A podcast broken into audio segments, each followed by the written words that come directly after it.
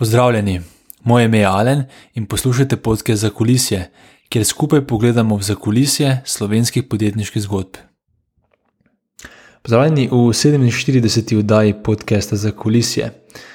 Tokratni gost je Andrej Pškraba, avtor zelo uspešnega spletnega portala Astra.si in direktor marketinga pri podjetju NiceHash. Uh, kot prvo um, bi se rad upravičil, da je toliko časa minilo od uh, prejšnjega podcasta. V mestnem času sem se uh, posvečal svojemu trenutnemu projektu in je bilo um, vse skupaj zelo hektično, tako da sem se posvetil um, tisti zadevi na polno. Sedaj pa se vračamo nazaj v ustaljene ritme um, podcasta za kulisje, tako da zdaj lahko pričakujete spet nove oddaje, uh, verjetno nekje eno na mesec. Ampak ja, vračamo se nazaj v bolj redno objavljene podcaste. Um, tako kot sem že omenil, torej tokratni gost je Andrej, um, avtor um, portala Astra.si, ki v bistvu ponuja takšne video inštrukcije, matematike, um, mislim, da predvsem za srednjo šolo, za srednje šolce.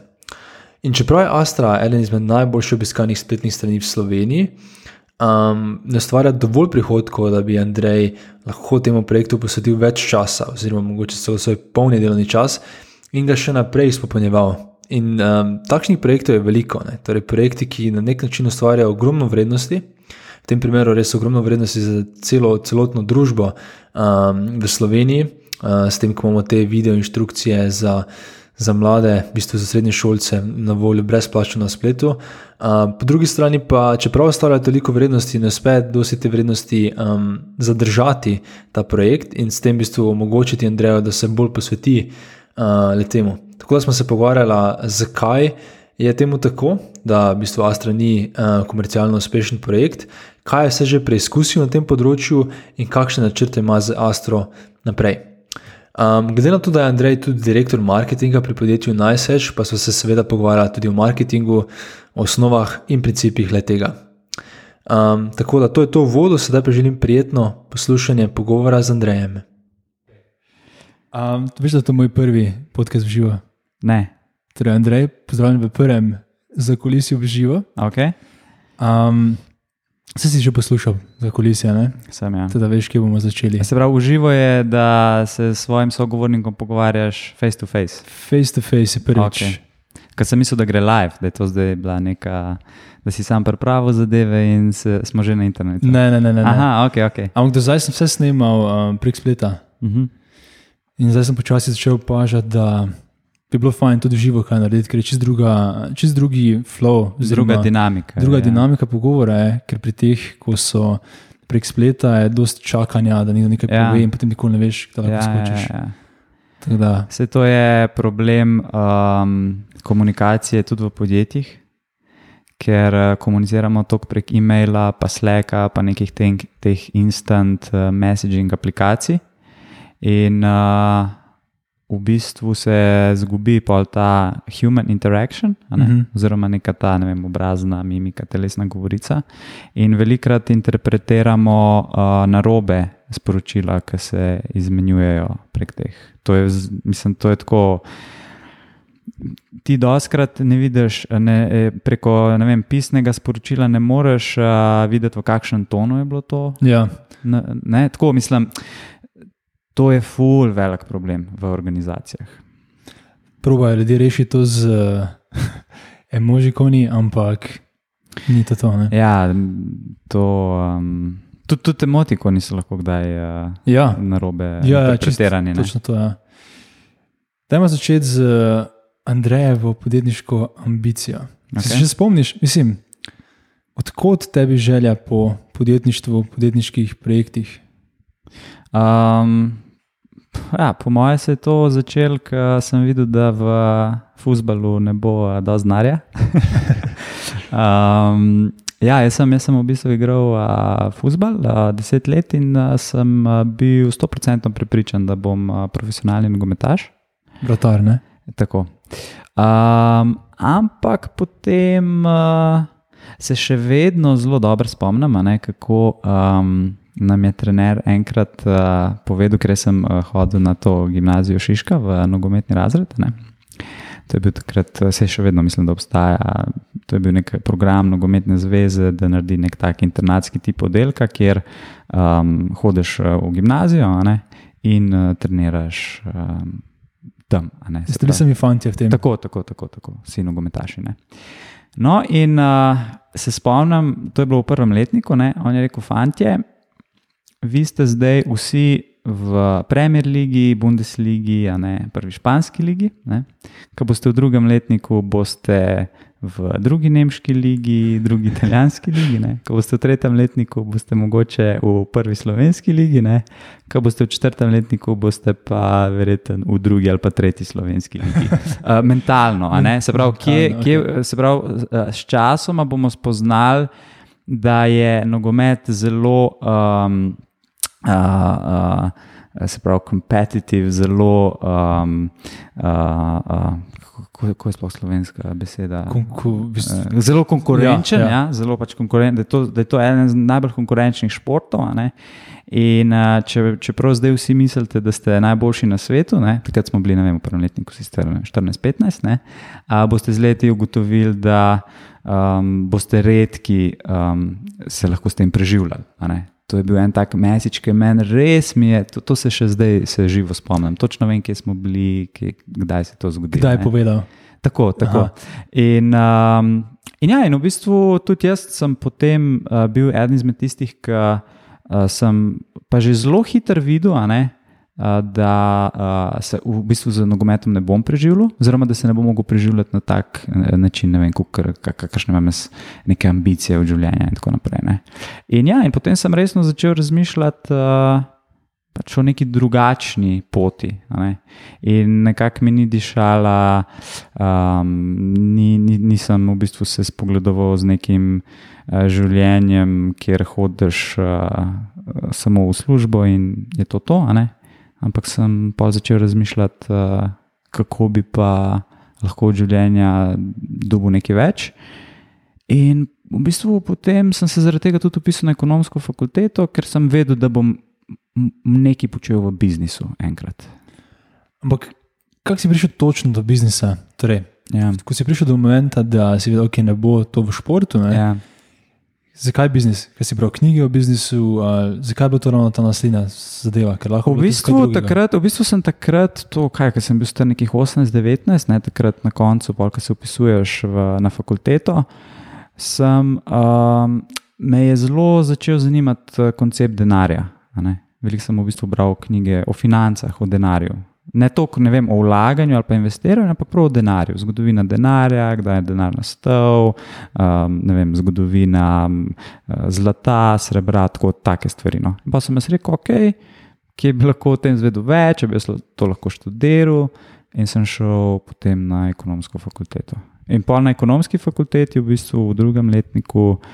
Sem pa tako nekako si um, zastavil, da je pa podjetništvo tista prava smer, uh, in tam dejansko smo tudi mi, da pa uh, postala sošolca. Ja, ja. Mm.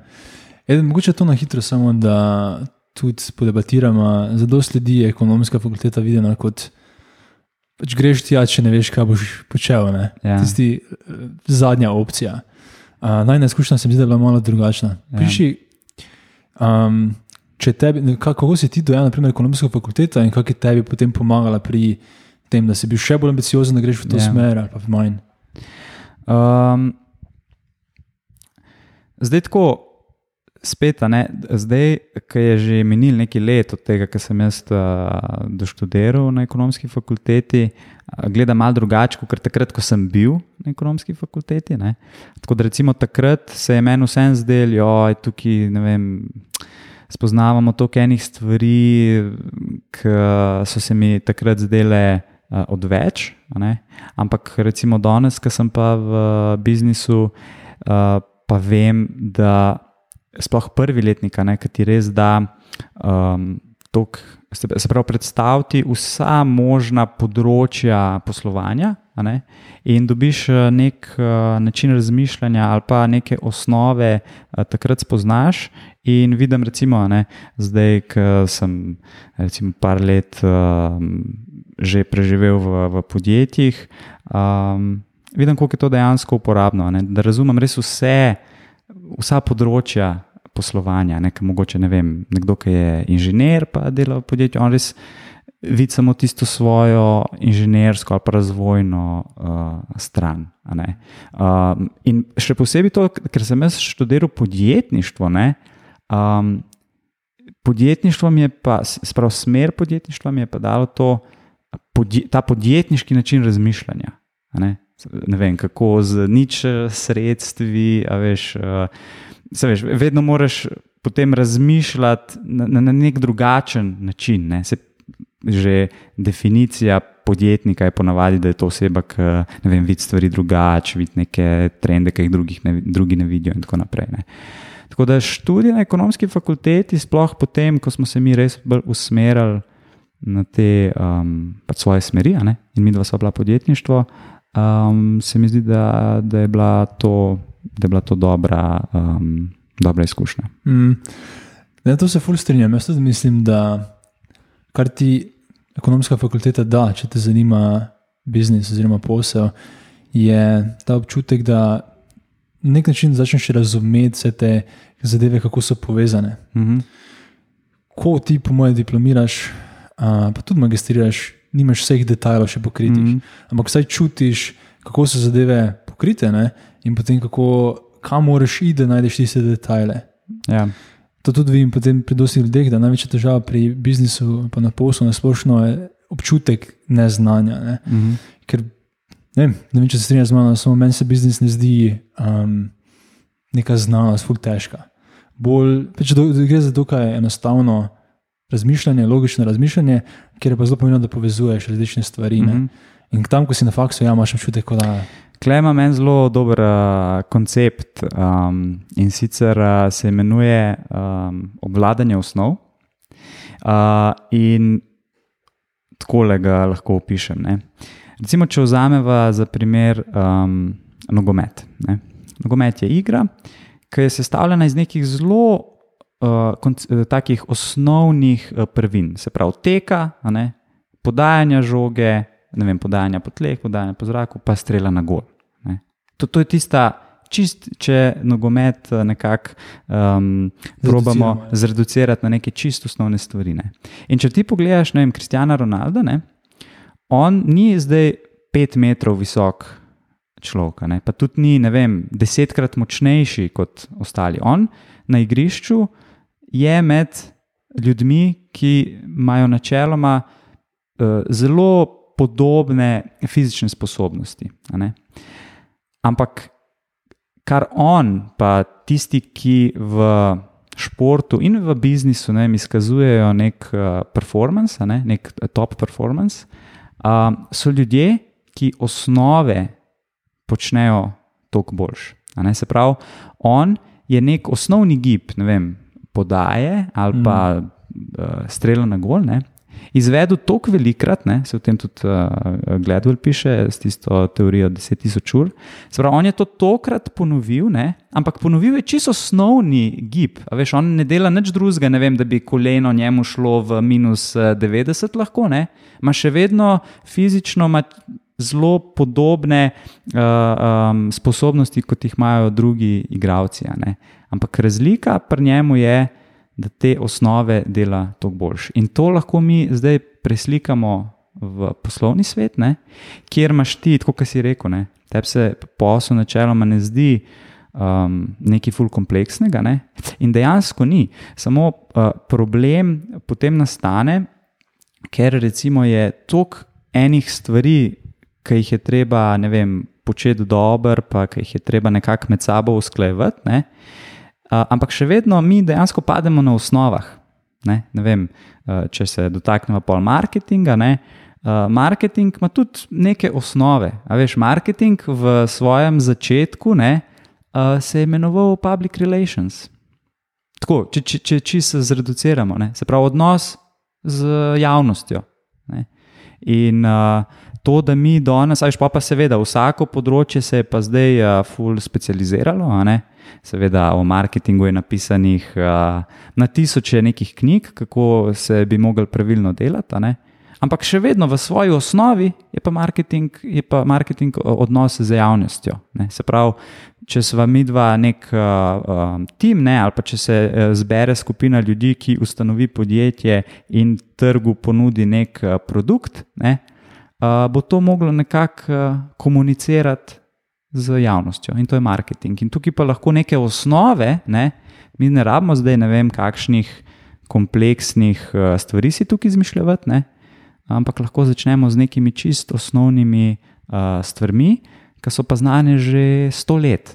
Veš, um, uh, teorija o PR-ju in kako se pač pogovarjati z ljudmi, to, je, to so uh, koncepti, ki so že uh, recimo, stari stoletje. Da ima to razdelati, ja. se mi zdi, da je ful dobra analogija.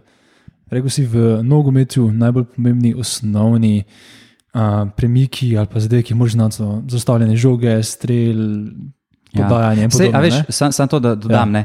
Um, itak. Potem pridejo kompleksnejše stvari, kot so neka taktika, a veš, pa kako bomo zdaj pokrivali ne, neke nasprotnike, a, pa kako nasprotniki igrajo. Ampak to je vse, e, ki je neka layer on top. Ne. Mi ja. še vedno moramo vse tiste osnove, moramo v bistvu uh, znati. In če ti pogledaš potem uh, kje se večino, ali pa recimo, kje se prvenstva zgubljajo ali pa zmagujejo, pri penalu. Veš, uh, ekipe streljajo penal mm. in to je skoraj najbolj osnoven uh, gib, ki ga pri nogometu lahko narediš. Žoga je statično na tleh, ti moraš zalaufati, oziroma se premakniti proti žogi in jo brcniti na gol. In nobenega drugega igralca ni, samo ti pa gol. Ne? Naj, bolj osnovna prvina nogometne igre. In um, igravci ne, falijo, ne vem, se spotaknejo, whatever. Ne.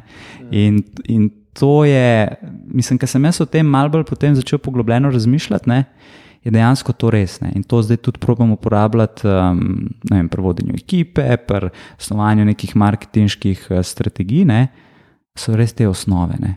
Dajmo mi osnove najprej narediti pravilno, potem bomo pa na to dali pa nek edge, recimo, ki nam bo prinesel. Točno to povej, kaj so ja. ti penali. Dajmo najprej reči v biznisu, ja. pa lahko potem gre na marketing. Kaj ti vidiš, da so te osnovne zadeve za biznis? Um, spet se lahko, to mi je tudi ostalo v spominu iz ekonomske fakultete, ki je rok uh, Stritar rekel, da biznis v svojem bistvu je zelo preprost. Ne? Mi bomo nekaj kupili, in prodali za dražjo ceno. In je rekel, to je to, zdaj lahko greste, um, pa to probate v praksi. Ne? Mi ne rabimo zdaj tukaj poslušati, ne vem, še 100 ur teorije podjetništva. Um, probi ugotoviti, kaj ljudje rabijo, ne? kje imajo ljudje problem. Probi razmisliti, ali se ta problem da rešiti z neko rešitvijo, za katero so ljudje pripravljeni plačati. Ne?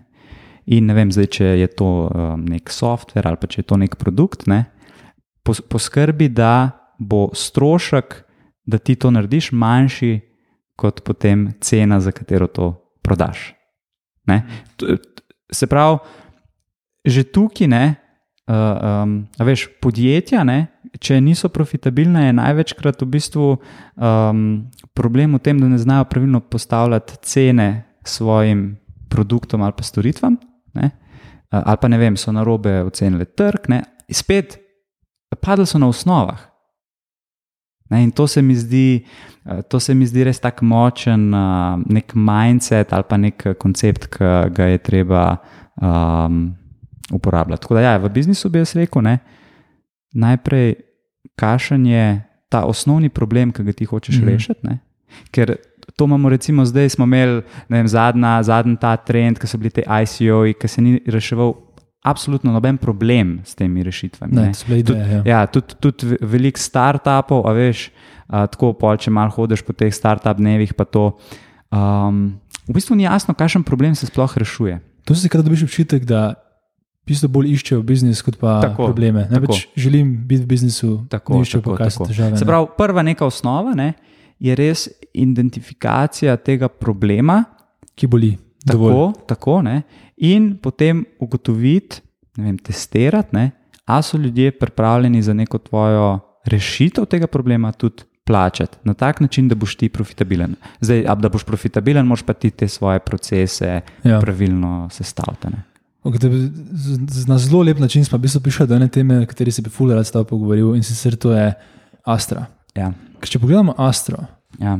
rešuje zelo veliki problem. Uh mhm. -huh. Ogromen problem, ogromno ljudem. Ja. Če pogledaš od zunaj, kot podjetnik, bi rekel, da s tem projektom bi pa nekdo, nekdo lahko obogatil. Ja. Ali pa vsaj preživel. Ja. Zakaj potem, naprimer, Astra sploh ne more biti, ne more v bistvu preživeti kot podjetje? Um, mislim, če sem čisto iskren, nisem jaz nikoli tega testiral um, tako, da bi te vsebine zaprl za nek paywall. Ne? Uh, se pravi, nek, uh, za, da, da, bi, um, da bi hotel zaračunavati za ogled teh vsebin. Um, ker mogoče da se sam dotaknem, kako, kako je ta uh, projekt nastal. Ne? Jaz sem takrat v bistvu hotel malo eksperimentirati um, z izdelavo nekih um, izobraževalnih vsebin, digitalnih. Ker takrat je bil, to, to se je dogajalo, kaj je tam nekje 2012, 2012, mislim, da so bili te um, massive, uh, te muki, ne, OC, massive, massive online, online open courses. courses yeah. Ja, uh, ne, Coursera je recimo takrat nastala, ne pa Khan Academy. In meni se je to zdelo blazno zanimivo. Um, in tudi, če pogledaš ta podjetja danes, to so načeloma vse neprofitne organizacije. Ne. Zato, ker se sledujejo nek drugačen cilj, oziroma glavni cilj teh organizacij ni profitni motiv, ne, se pravi, da na trgu nastopajo za namene, da, lastniki, um, da so lastniki deležni profita, ampak da so vem, deležni neke druge stvari, ne vem, delajo nekaj dobrega za družbo in tako naprej. In jaz takrat v bistvu nisem kaj dosti razmišljal, seveda. Ful me je zanimalo, kako bi lahko to monetiziral na nek tak način, da tega konsumerja, teh vsebin, to ne bi prizadel. Ne. To je tudi mogoče ena osnova uh, biznisa ne, ali pa marketinga, da moraš ti zelo dobro razumeti, kdo je konsumer, kdo je pa customer. Ne? Se pravi, konsumer je nekdo, ki tvoj izdelek ali pa storitev dejansko um, uporablja, ne? customer je pa tisti, ki za to plača. Zdaj, pri mnogih stvareh je to v isti osebi, ne? je konsumer tudi customer. So pa tudi področja, ne? trgi, ne vem, rešitve, kjer pa to ni enako. Ne? Ker pa recimo v tem primeru, mojem, ne, bi šlo za to, da ne vem, customer bi mogoče bil starš, ne, ki ne vem, mu je eh, pomembno ali pa ne vem, sledi razvoju svojega otroka, ne, eh, učnem. Ne. Um, in ne vem, vidi, da ima on problem pri matematiki, in se odloči, da mi ti bomo plačali neke inštrukcije ali pa neko dodatno izobraževanje, in ti bomo to, um, ti bomo to omogočili, ne, ti bomo to kupili. Konzumer bi bil pa, pač otrok, oziroma ta oseba, ki bi potem uporabljala ali pa bila deležna nekega tazga izobraževanja. Ne. Tako da vprašanje, zakaj Astra ne more biti, um, zakaj Astra ne more biti uh, profitni projekt, v bistvu lahko je, ampak jaz sem se odločil, da večji impact lahko dosežem na tak način, da so te vsebine zastojne. Pa je kakšna ideja, da bi v prihodnosti proval? Mislim, okay, če tako pogledamo iz podjetniškega vidika. Ja, po eni strani se strinjam, da če odpreš te vsebine, lahko več ljudi dosežeš. Ampak po drugi strani, če bi uspel z podjetniškega vidika pač dobiti nek denar, bi lahko potem tudi druge vsebine naredil za druge predmete, ali pa pač se poglobil v nekatere zadeve. Ne? Teda me zanima, pa verjetno si se igral s to idejo, ne? kaj so vse opcije, kaj vse bi lahko naredil z Astro, da bi potem mogoče lahko več časa temu posvetil. Razlog, zakaj se želim to, spuščati, to, ker se mi zdi tu, da je dosti takih idej, ki so v tem nekem limbu. Veš, ki so ustvarjajo neko vrednost, ampak na koncu pa niso posa. Pa me zanima tudi tvoj vidik, naprimer, kaj se, se lahko naredi v tem primeru. Ali je najboljše enostavno pač zdaj opustiti, kot je, ali je boljše iskati neke rešitve, če želiš pač iz tega. Če želiš, da je to neka stvar, kateri lahko posvetiš 8 ur na dan.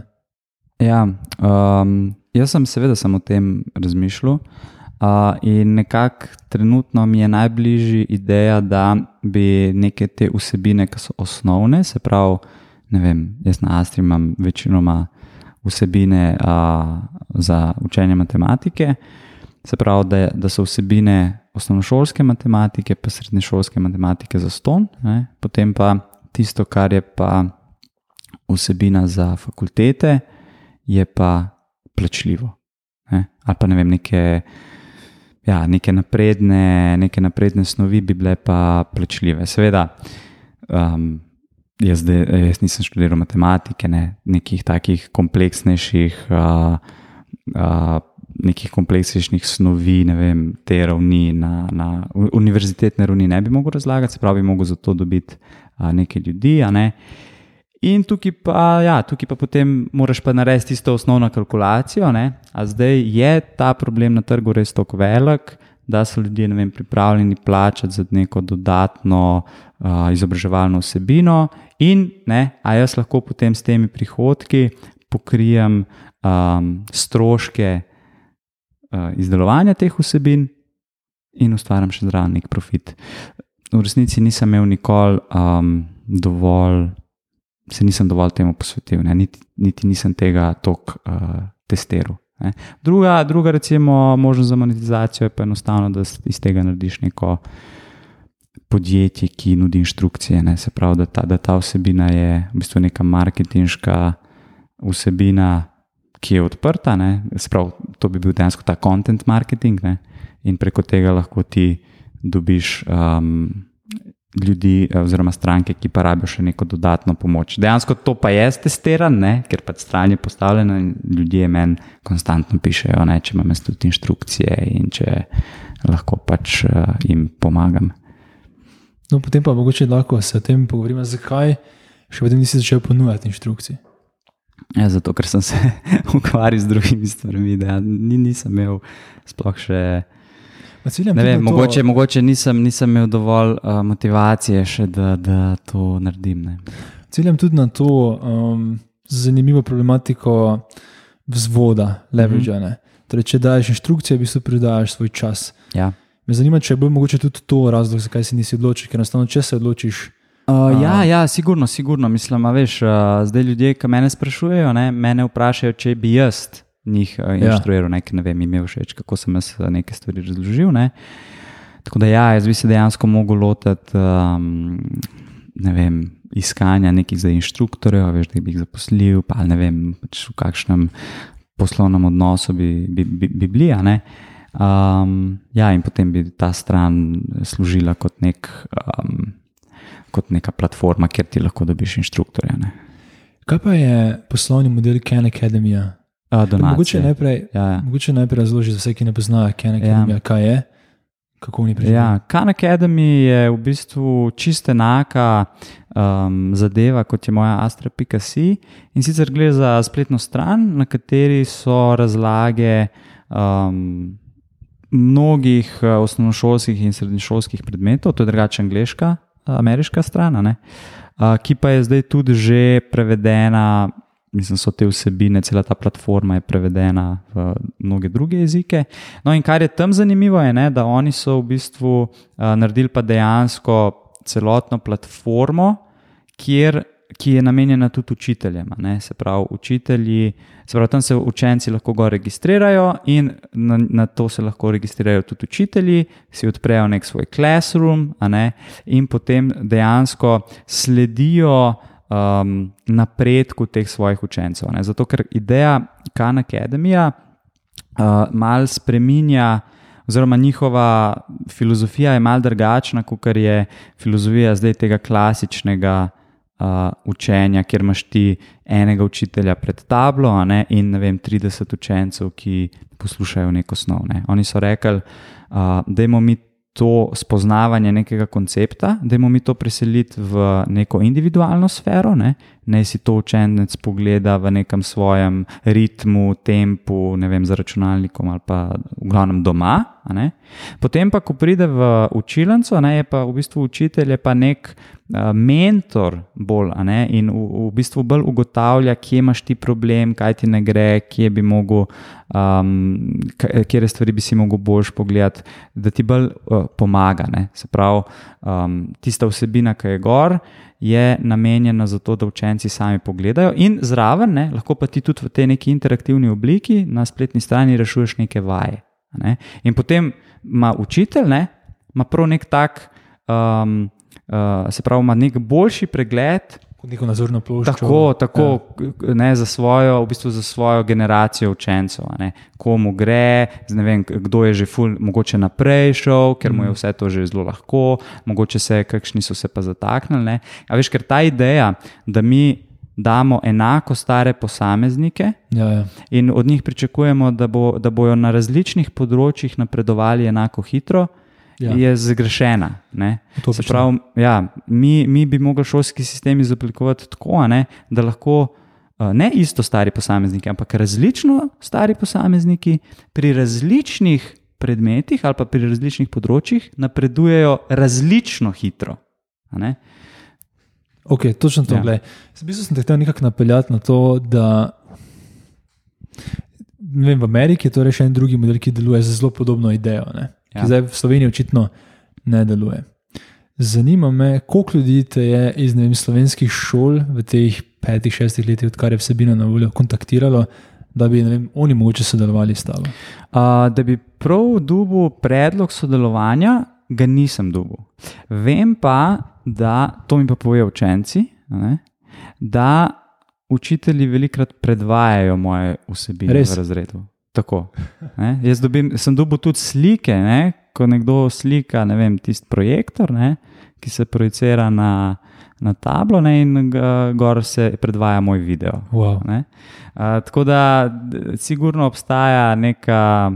In potem, recimo, jaz tudi vidim, kdaj po po, teh, eh, po neki spletni analitiki, ne, da se ne vem, v, veš, ker te, te um, ta šolska omrežja imajo tisti nek poseben URL. Ne, In vidiš, da se to pač tam tudi uh, predvaja. Ne. Mm. Uh, tako da, da bi pa prav dubu neko tako, uh, ne vem, uh, neko uh, povabilo za sodelovanje, uh, to, se pa, to se pa ni zgodilo. Ampak zakaj, zakaj ne? Mislim, v Ameriki so zadeve pograbljene, zdaj pa deluje šole, ki dejansko je full veliki benefit. Zdaj, če, boljše je za učitele, jaz bi rekel, no, in mm -hmm. za mhm. učence. Uh, veš, kaj ti bom še povedal? Uh, to, to ni, ni dosta znana um, informacija, ampak mene je, je, mene je prej, kot da bi me uh, kdo kontaktiral v Sloveniji, me je kontaktiral Khan Academy. Ne, se pravi, oni so videli, da sem jaz imel že toliko teh eh, vsebin, ki so stilsko zelo podobne. Um, spet nisem spremenil nekih osnov, ki so jih oni zelo dobro zastavili.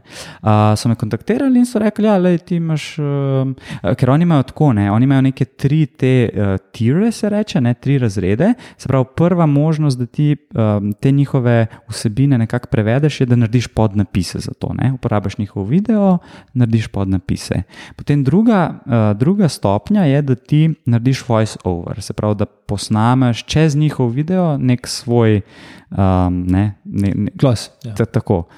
Potem tretja faza ne, je pa, da ti narediš celo vsebino sam. Ne, se pravi, da in narediš eh, video, ga posnameš uh, s svojim glasom v svojem jeziku. To je tvoja verzija. Ne? To je moja verzija. Ne? In oni so rekli, da ja, takih eh, posameznikov je zelo malo, um, mi ti lahko tukaj zdaj damo celo to platformo, um, lej, ti lahko to implementiraš in začneš skrbeti, da se to implementira v slovenske šole. Ne?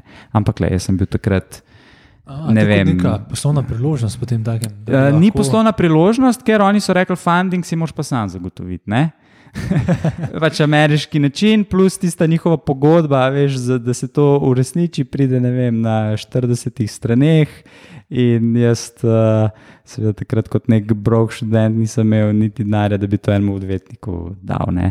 Kar sem sam razumel, je pač, da, da vse, kar ti počneš, je potem v njihovi lasti, in oni, tem, in oni se potem lahko sami odločijo, kaj bodo s tem naredili. Bla, bla, bla. To mi nekako ni bilo všeč. Sem, sem svoj pač brand potem ja. posto gor. Kako je izgledal ta klic? Je bil klic ali je bil samo mail? Ja, ne, to najprej so bili par mailov, si izmenjaš, pa sem šel na klic. Tako, pač, a veš, kaj na Academy, tak, takrat je bila že velika organizacija, nekih 100 ljudi, zdaj mislim, da je tudi nekaj tazga, nekih 150 uh, ljudi za to. Skrbi. oni lahko imajo 100 ljudi. Ti, na začetku si omenil, da od donacij Ja. živijo. Ja, ja. 100 ljudi živi od donacij, ali Ja, je seveda, tudi veš, delno to- tega to- produkta? Ne, ne, ne. Oni, oni, oni, oni so čist, uh, oni so NGO, pač neprofitna organizacija, ampak, veš, um, mislim, to je. To je Amerika, ne? tam Sergej Brin reče, ok, ne, uh, Ja. s- f- uh, skup, uh, uh, dobro delate, ne, evo, milijon ne, za nadaljni razvoj. Ne. Pa Bill Gates reče, evo, ne, bom Microsoftu dal par milijonov, ker je ne vem, pomembno, da Mm. porivamo ta stem polja Ja. ja. naprej. ne. Uh, ja, v Sloveniji pa mislim. Kako pa največja donacija, ki si ti dobil? Uh, do zdaj največja donacija, ki sem jo dobil, je bila 300 evrov. Velika razlika med milijonom in med. Ja, ja. No, drugače pa še to, ne, se v tem, mislim, to ni neka skrivnost, ki bi jaz uh, držal zase. To vsakmu povem, če me vpraša. Jaz do zdaj s tem, veš, eh, sem zaslužil mogoče par eh, dobrih kosil na leto. Ne. Ni zdaj to, veš, da me Ja, ja, ja. pritekajo, ja. ker ta donacijska kultura v Sloveniji ni na nekem zdaj ful visokem nivoju. Ne. Um, a veš, da bi, ne vem, da bi imel ti neke eh, konstantne prilive eh, z tega naslova. Ne.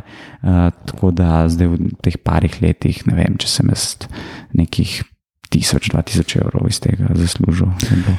Si razmišljal tudi mogoče o tem, um, kot nekih mikrodonacijah, ki bi bile pa, veš, kot nek subscription, neka naročnina.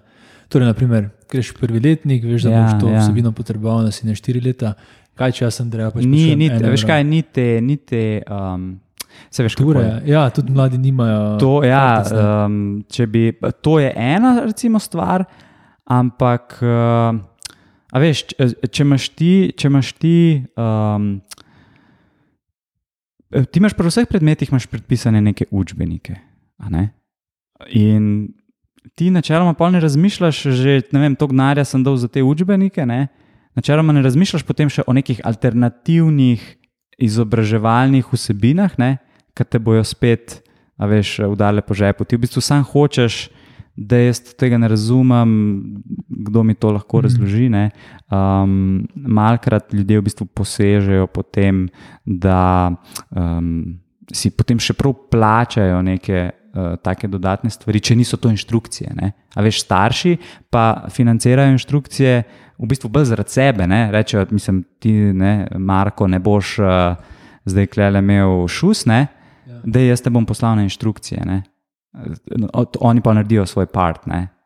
Plačal sem ti, zdaj pa ti tam Ja, ne. ja, hočem dvojko. Ne? ja. Imáš, da narediš tole, zdaj je pozitivno in je to to. Ne? In potem za ne vem, kakšen procent uh, dijakov ne, je to to. Oni naredijo matematiko na maturi, ne, ne vem, dva, tri, štiri, ne, se matura na, matem, uh, mislim, matematika na maturi ni tako težka in je to to. Ne? In pol dan del, a veš, jaz do konca življenja upam, da tega ne bom več uh, rabo. Ne? Je neka taka pol mantra, ki jo imajo. Ne?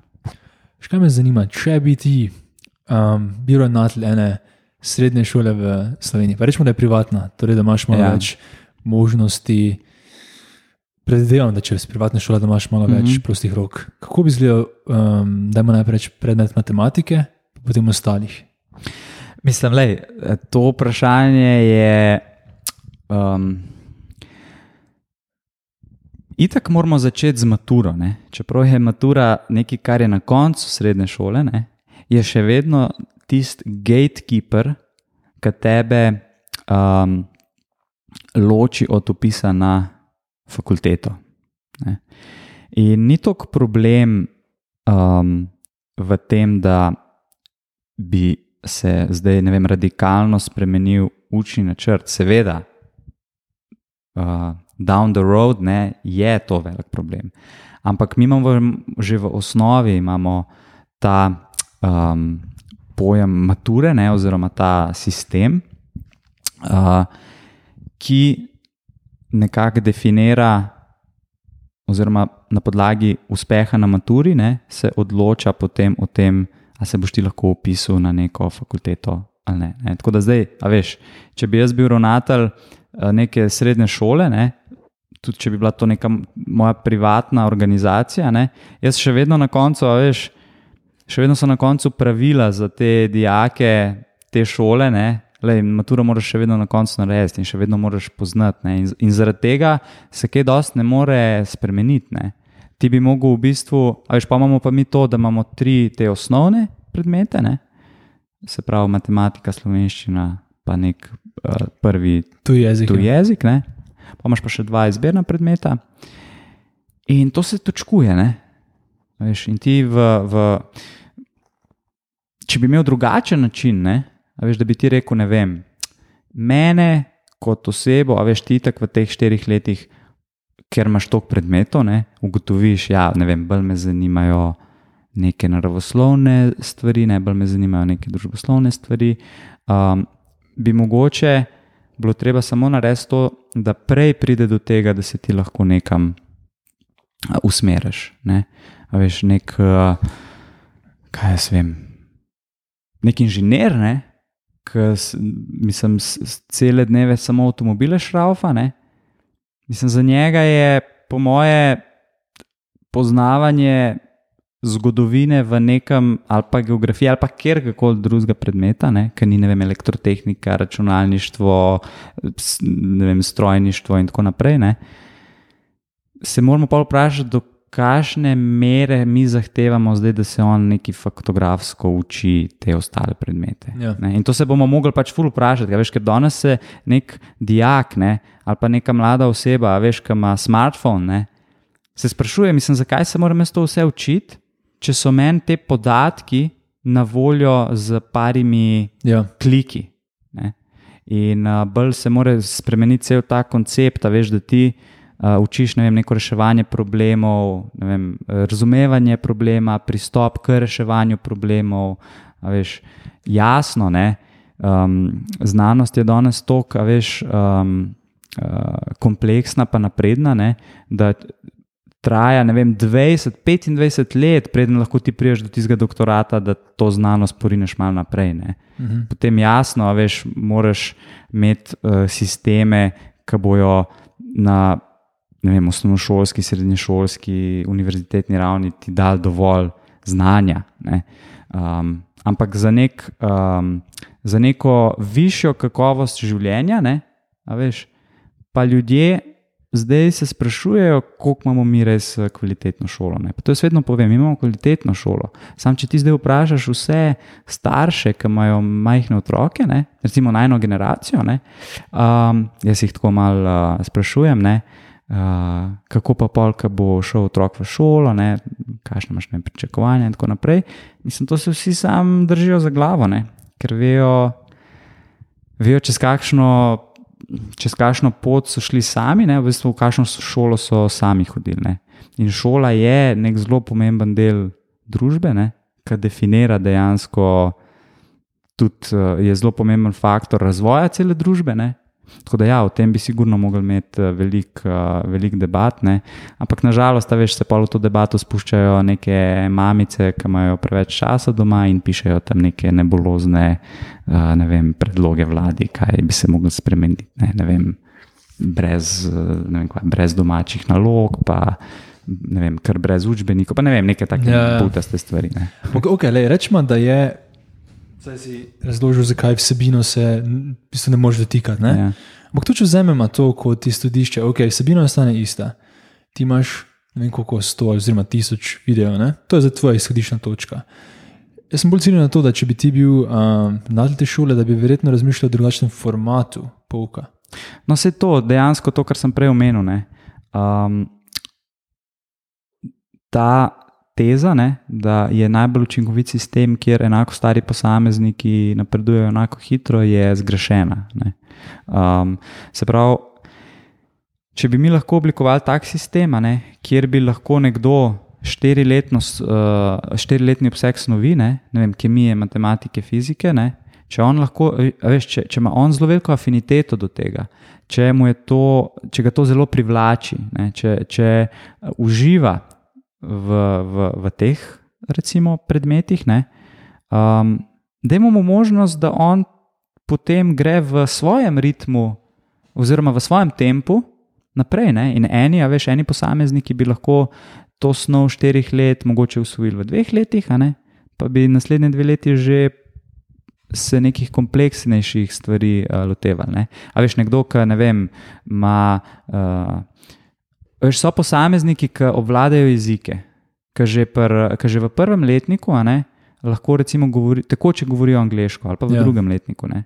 Mislim, zakaj mora on zdaj tam sedeti, tista štiri leta, da je mu tisto maturo za odpisati, ne, angliščino, in on je v dveh letih le je končal in bo ja. tisti čas, ne ki uh, bi ga zdaj namenil še ne vem, 500 tim uram, ne, lahko nameni nečemu drugmu.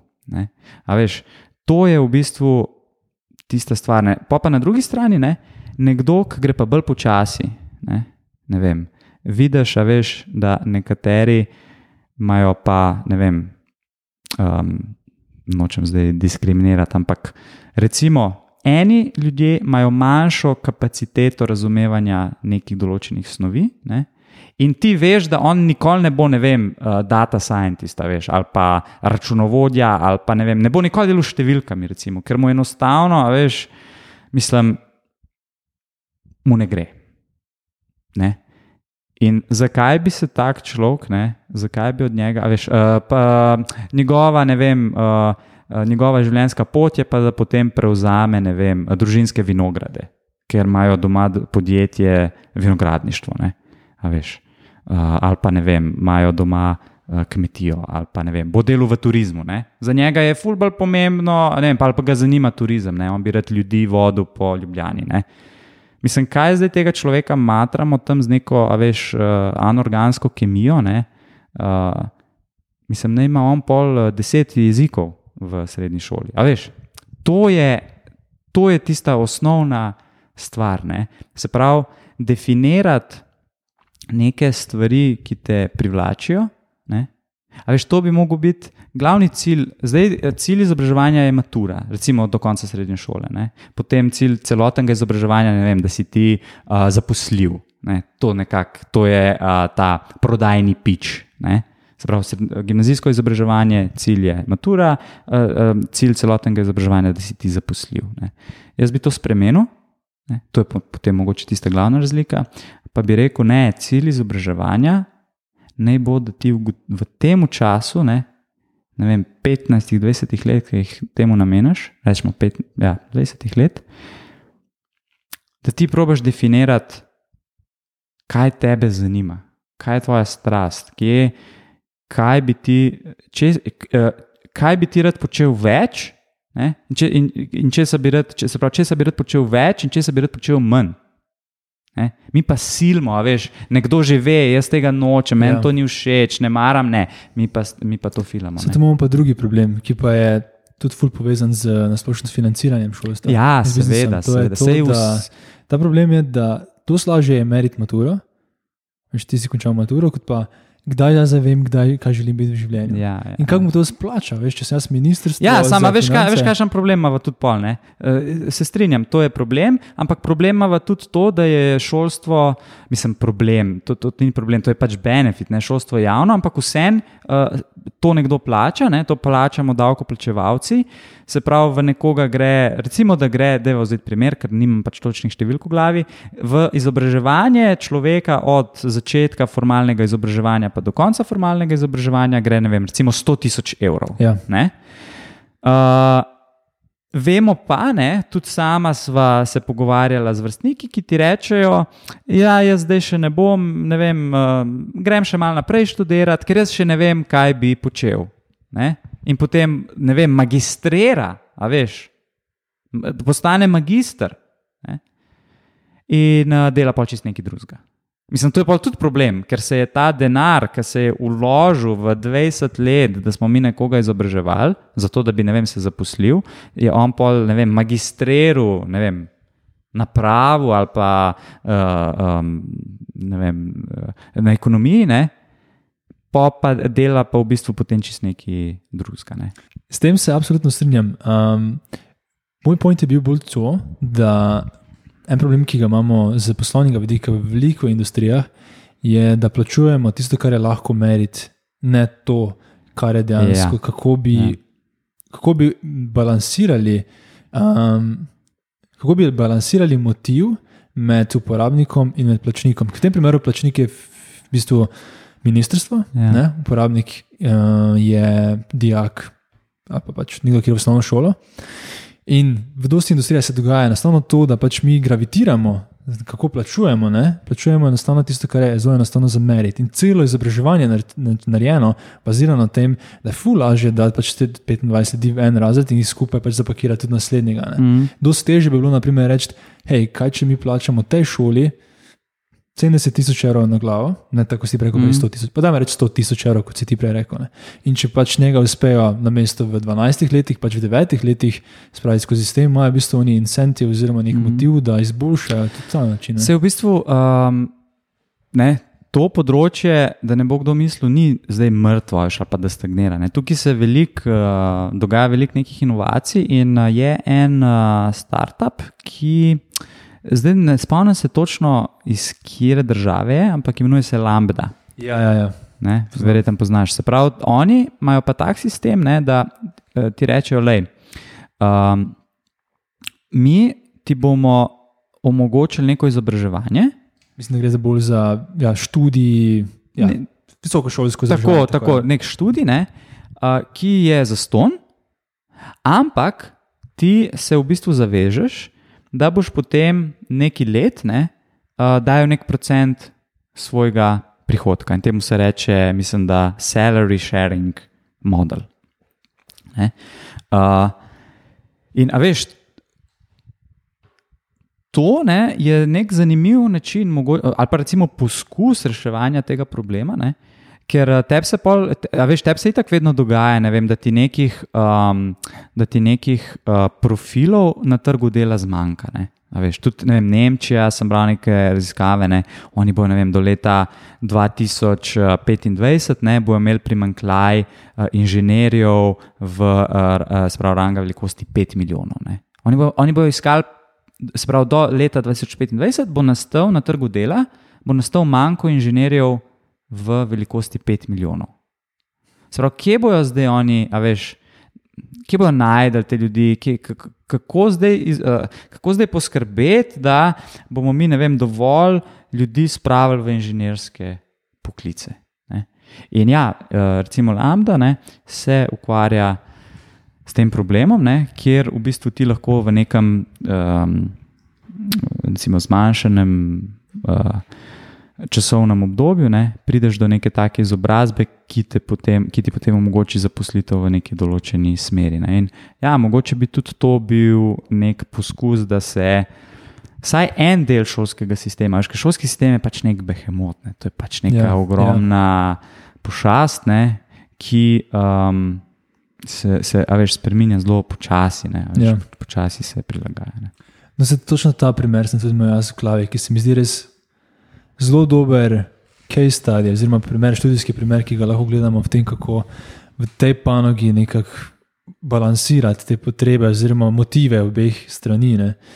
In ena težava, ki jo nasplošno imamo v tej panogi, je pač, da ni skin in the game, ne, da pač ti imaš zastojn celo izobraževanje. Mm. Težko rečemo, da je problem, ker po eni strani pa je to čudovito. Ne. Ja, Čudovito. mislim, ali, če se mi dva zdaj primerjava s svojimi ameriškimi vrstniki, ne, ja, ja. ki so zdaj zadolženi vem, za 100 tisoč dolarjev. Tako, ne, tako. Uh, mislim, sem še vedno zelo hvaležen, ne, da, da sem bil uh, pač izobražen v Sloveniji.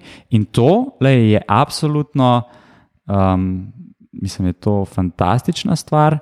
Um, veš, moramo se pa vprašati, tako, ne, kaj je zdaj ta generacija, ki prihaja. Ne? Se pravi, generacija, ki je odrasla v dobo, se pravi, recimo generacija, ki se je rodila 2010, rojena po letu 2010. Mhm. Ne? Se pravi, generacija ljudi, ki so zdaj stari, ne vem, devet, ne? so zdaj so v osnovni šoli, ne vem, čez par let se bodo pisali v srednjo šolo, in ne vem, čez deset let, petnajst let bodo na trgu dela.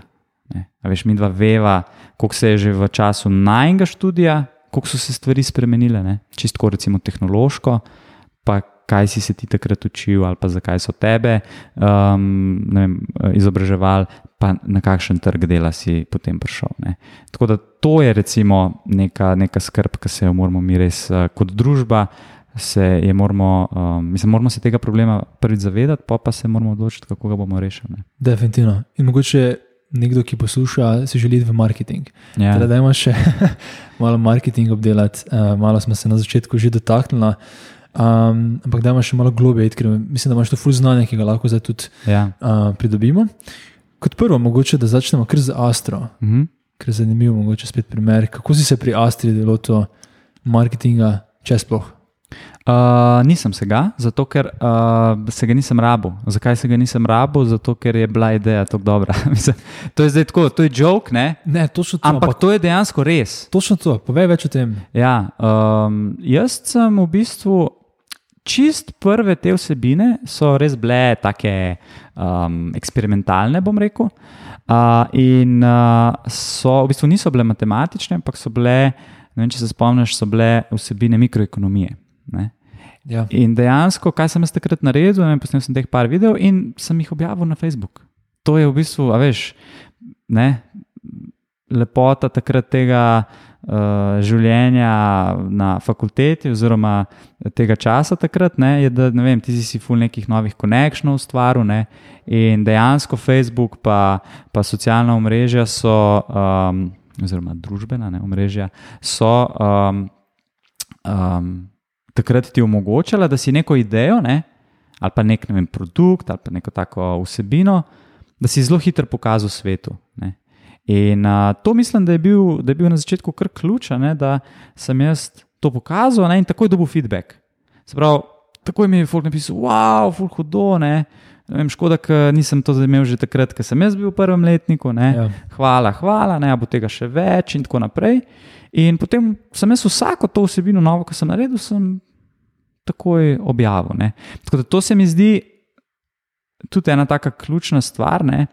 Uh, a veš, mi smo velikokrat smo tako, ne, vem, sploh ne bi širili svojih idej ali pa ne bi testirali. Ne. To v bistvu, da sem jaz nekaj posnel, pa sem takoj objavil na Facebooku, to je v bistvu bil test. To je bil zelo preprost test, da sem jaz ne, videl nek odziv, da je folk ne vem, si to pogledal, ne, pa je rekel, wow, ful dobro, a bo tega še več. Ne. A, veš, lahko bi pa jaz dobil, ne vem.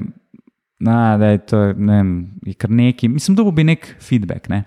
In uh, pridobivanje feedbacka ne, je, se mi zdi, zelo, zelo, zelo pomembna prvina. Um, zdaj, če se o marketingu pogovarjava, ne, da ti se pravi hiter zveš neko povratno informacijo z trga. Ne. Um, Astra ni rabila nobene posebne, ne vem, da bi jaz rabil prav posebej dajati veš, vem, denar v oglaševanje. Ne. To se je čisto organsko širilo. To so v bistvu potem, to je tudi pokazatelj, po mojem, res dobre ideje. Uh, ja, Ni eh, vedno, ampak pač to stikrat, če je res dobra ideja, se sproži potem, ja, kako se tem reče v slovenščini, word of mouth. Um, ja, od ust do ust. Od ust do ust. Ja. Tako. In uh, to sem enkrat, mislim, da to piše prav v nekem marketinškem učbeniku, da uh, good product, ne, se pravi tako, če ti, če ti narediš produkt, pa rečeš, potem ga daš, ne vem, tako le ga, vem, probaš prodati, ne, in, da rab, in rečeš, ja, jaz rabim zdaj full marketinga za to, je produkt že slab, ne, ker sam po sebi bi produkt mogel biti dovolj jasna, um, bi mogel sam po sebi dovolj jasno razložiti, kakšen problem rešuje. Ne? In če ti pogledaš, veliko teh, ali pa recimo podjetja, v katerih sem jaz delal, so na začetku, ko so, ko so šla iz te idejne faze na neko, ne vem, fazo. Uh, da, tako so bila čist brez marketinga. Ne? Se pravi, je bila neka ta uh, od ust do ust. Ne? In recimo to je ta, um, ne spomnim se zdaj avtorja, kdo je ta koncept v bistvu prvi nekako opisal. Ne če poznaš ta Crossing the Chasm. Ja. Ja, to je, ne? se pravi, mi imamo nek življenjski cikl izdelka. Na začetku early adopterji. Ja, ja. Tako. In večina podjetij ima marketinški problem, od, se pravi, da pride iz early adopterjev v mainstream. Na hitro samo piši, za mogoče nekaj Ja. ja. pozna. Se pravi, v- vsak, vsak izdelek ne, gre, čez neko, um, gre čez neke faze. Pa bom zdaj to opisal na primeru, da je reči iPad, tablični, ne, ta Apple računalnik. Se pravi, na začetku, ko je to prišlo ven, ne, je folk, je, si, si imel pač eno skupino ljudi, ki je rekla: Wow, ne, noro, ne, ka, tak touchscreen, uh, mislim, to je revolucija. Ne. Eni so pa rekli, mislim, kaj, kaj je to? To je računalnik brez tipkovnice, to je brez veze, to, to ne boš nikoli uporabljal. Ne. Se pravi, imaš neke segmente ljudi, ki se zelo hitro navdušijo za neko tehnologijo, potem imaš pa segmente ljudi, ki tako to gledajo po strani. Ne. In te, ki čist na začetku, čist na začetku po neki pograbijo, ne, ki so pripravljeni, a veš, tudi plačati za ne vem, pol izdelek, ne, ampak jim je to tok, se pravi, njim je bolj pomembno, da so prvi, ki nekaj imajo. To so v bistvu neki, uh, se reče, um, neki inovatori ali pa neki, neka skupina ljudi, ki jim je res pomembno samo to, da imajo neki prvi. Pa so te, naslednja skupina so te neki early adopteri, se pravi, neki prvi, uh, uh, prvi navdušenci nad tehnologijo, ne, uh, ki pa v tem že vidijo nek. Um, uporabno. Tako, tako ne rečejo, ne, iPad ni samo nek fancy gadget, ne, ampak ne vem, jaz lahko to zdaj uh, odnesem ne vem, v poslo, ne, pa ležim. Pa ne vem, to zanima ventilatorjev, pa mi ne bo tam, ne bo, ne, ne bo spuščal nekega hrupa, ne, pa bom jaz lepo umiril, ne vem, bom bral neke novice, ne, pa ne vem, browsal, uh, surfal po internetu. No, ampak potem ne, se pa zgodi tako imenovan čezem, ne, oziroma brezno, kjer pa mora ta tehnologija preiti v mainstream. Ne? Ne vem, zdaj, primer so teli, zdaj, primer ene tehnologije, ki ni šlo tako, ne? so te Segway, Ja, točno te vozički. Ne? Mm. Ki so takrat so obljubljali revolucijo nekega tega mikrotransporta, ne? Da se bomo vsi vozili s tem pločnikom na mesto ampak kaj se je zgodilo? ne? Turisti uporabljajo. Ja, mislim, ne, kaj se je zgodilo, kaj je tukaj bila ovira stopnice. Ne? Tega noben noče nositi, ker je pretežko. Ne? Noben pač. In, in, in tukaj se je ustavil. Ne? Se pravi, Segway je dosegel neko eh, skupino teh early uh, uh, adopterjev, pol naprej pa ni šlo. Ali pa recimo, ne vem, uh, GoPro je tudi taka. ne, Uh, Nimaš ti, nima vsak človek na glavi GoPro-ja. ne. To imajo pač neki ljudje, ki so, uh, ki so uh, adventurous, neki stuntmeni in tako naprej. Ne. Mogoče moramo samo povdariti, da tudi če prideš do tega nivoja, kot je GoPro, tudi ni slabo. ne. V ne- Ja, V določenih primerih je pač ta early adopter tudi tako veliki, pa tako Ja, ja. market, lukrativni Ja. trg, da lahko tudi živiš od tega. Ne. tako. Ampak Ja. uh, pravi, rečemo temu, profiti ali pa real revenue happens in the mainstream. Ne. Se pravi, potem je pa iPad, a veš, uh, ne. Potem so pa neki uporabniki, ne vem, poslovni uporabniki, ne, videli, wow, ne, to imam pa jaz lahko, ne vem, na neki predstavitvi, ne, da ne rabim zdaj celega računalnika sabo nositi, ne, lahko jaz ne vem na sejmu ali pa v nekih takih profesionalnih okoljih, lahko jaz samo na ekranu, a veš, jaz samo to, jaz samo to napravo pokažem, ne, in lahko pač tam s parimi kliki lahko, ne vem, neko predstavitev naredim, Ja. ja. ne. Potem je to, a veš, folk eh, priporočal od ust do ust, ne? nekdo je ne vem, to prenesel na faks. A veš, pa je folk videl, wow, full fine, ne, gor imaš, ne vem, lahko te zapiske, uh, vmes lahko pogledaš YouTube, uh, ne vem, social media, lahko odgovoriš na, na pošto. Ne? In, je, in je nekdo rekel, ja, jaz bi tudi to imel. Ne? In pa, veš, pa, pa je veliko teh malih razlogov, ki ti to pri nekomu vidiš ne, in si tudi sam to zaželiš. In kaj se pot, potem na koncu zgodi? Še tvoja babica ima zdaj iPad, imajo vsi, ne. ne? in to, so pa potem, to je potem ta zadnja skupina, ki sledi temu mainstreamu, to so pa te tako imenovani laggards, se Laggards, reče. Ja, se pravi, neki Zaostajajo, zamudniki, ja. ne, neki zamudniki, a veš, ki, um, uh, ki, so to, ki so to dobili čist na koncu. In če mi dva pogledava tehnologijo kot tako, se to zgodi s čist vsakim. Ne? A veš, recimo, če bi avto vzela. Ne? Avto je produkt, ki je danes mainstream. Ampak na začetku je tudi to bila nova tehnologija. Ne? Nekdo je mogel reči: Ne, jaz ne bom več investiral v konje, jaz bom investiral v avto ne? ali pa v nek tovornjaček. Ne? In pa je to videl nekdo drug ne? in rekel: Jaz bom tudi to investiral. In pa je Folk rekel: Ne, uh, jaz bom tudi to imel vem, za družinske izlete. In pa imaš ti zdaj, ne vem, a veš avtomobile, ki so vem, športni avtomobili, ki niso za nič drugega, kot sem, sem, da se malo ja. voziš okrog. Ja. Se pravi, to je. Veš, tudi tukaj so eni ljudje bili, a ne, ki so rekli, ne, ta ideja nikoli ne bo uspela, konji so zakon. Ne? Pa so verjetno na koncu pol tudi oni kupili avto. Ja. In, po, in tako se lahko zdaj vprašamo, danes, kje so te uh, tehnologije, ki so. Vsako podjetje, ki ima tehnološki produkt, ne, se lahko vpraša, pismo smo se mi zdaj znašli pred tem breznom. Ne. Smo pokrili Sorry. neke. Eno vprašanje samo, gre samo za tehnološke produkte ali tudi za um, ne tehnološke inovacije? Zdaj ne spomnim se točno, kako je ta avtor to um, definiral, ampak mislim, da tam je bolj poudarek res na nekih teh. Eh, teh, okay. Na nekih tehnoloških produktih. Ne? In, a veš, vse podjetja danes, večinoma tiste, ki, um, mislim, velike podjetja, ki hoče inovirati neki v neki s tehnologijo, ne? pa mhm. se ni važno, je to zdaj nek produkt, fizičen ali je nek intangible, oziroma nek ne vem, software ali nekaj, kar ne moš prijeti. Ne? Se lahko ta podjetja vprašajo, veš, ali smo mi zdaj res dobro um, pokrili neke te early adopterje ne? in zdaj ne gre več naprej. Ne?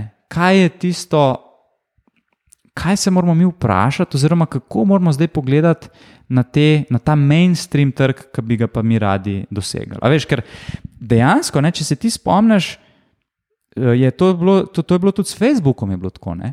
Veš, ja, so bili ja. neki early adopteri ja. in sigurno. Smo med, tudi med nami, ne, jaz, jaz ne vem, se spomnim, sem rekel, da je to kar nekaj, brez veze. Ne. Pa si pa narediš Facebook, veš, pa si tvoji starši so govorili, da je to kar nekaj, ne. pa imajo danes babice na Facebook. Tam so pa oni legari, ja, in, in, na Instagramu. In velikrat, veš, velikrat ljudje razmišljajo, ne, um, ne vem, da mi pokrivamo zdaj nek osko določen segment, ne, ampak v resnici ima, ima veliko izdelkov možnost, da bi šlo v mainstream, ne, da bi ti, ja, veš, neko stvar, ki je danes res osko nišna, bi mogoče lahko imel ti doma kot nek izdelek, ki mogoče ti sploh ne veš, da bi ti prav prišel. Tako kot za iPad, veš. Ja. Takrat na začetku noben ni točno vedel, pa se je tega kako prodal. Kaj bi ti rekel, da je vloga marketinga v tem frameworku, v tem konceptu? Ja, vloga marketinga je definirati, ker to je še ena stvar. Ne? Se pravi, ti moraš, se pravi, early adopter je zelo drugačen segment kot je mainstream. In če hočeš ti res to eksponentno rast um, uh, uporabnosti ali pa uh, adopšna, kako se temu reče, posvojitve nekega izdelka, ne, je naloga marketinga, da res ugotovi, kakšen pain point lahko reši različnim segmentom. A veš, ker nekdo, ki se na začetku samo navduši za neko stvar, ne, te gadget loveri, pa neki se pravi, early adopteri, ki hočejo, ki živijo svoje življenje samo zato, da neke nove stvari probajo, pa jih posvojijo. Ne? Oni, druga, oni so čist drugačen segment, imajo čist drugačne, čist drugačne probleme, rešuješ kot nekomu, a veš, ki ima.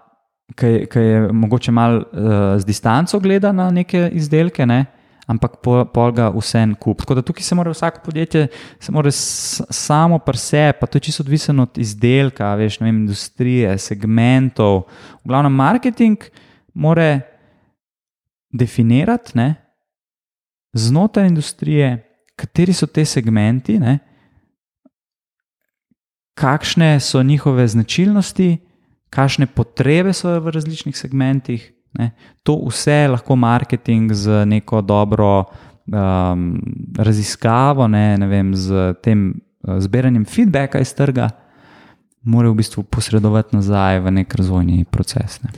Obstaja nevarnost, da s tem, ko pravimo preiti od early adoptera, torej teh začetnih uh -huh. uh, ljudi, ki na začetku uporabljajo produkt, do uh, mainstreama, da večina ljudi, obstaja težava, oziroma nevarnost, da bomo tako spremenili produkt, da več nisi začet, začetnim ljudem ne bo všeč, ki so pa nam v bistvu pomagali, da pride do tega, da smo danes to podjetje, um, ki smo.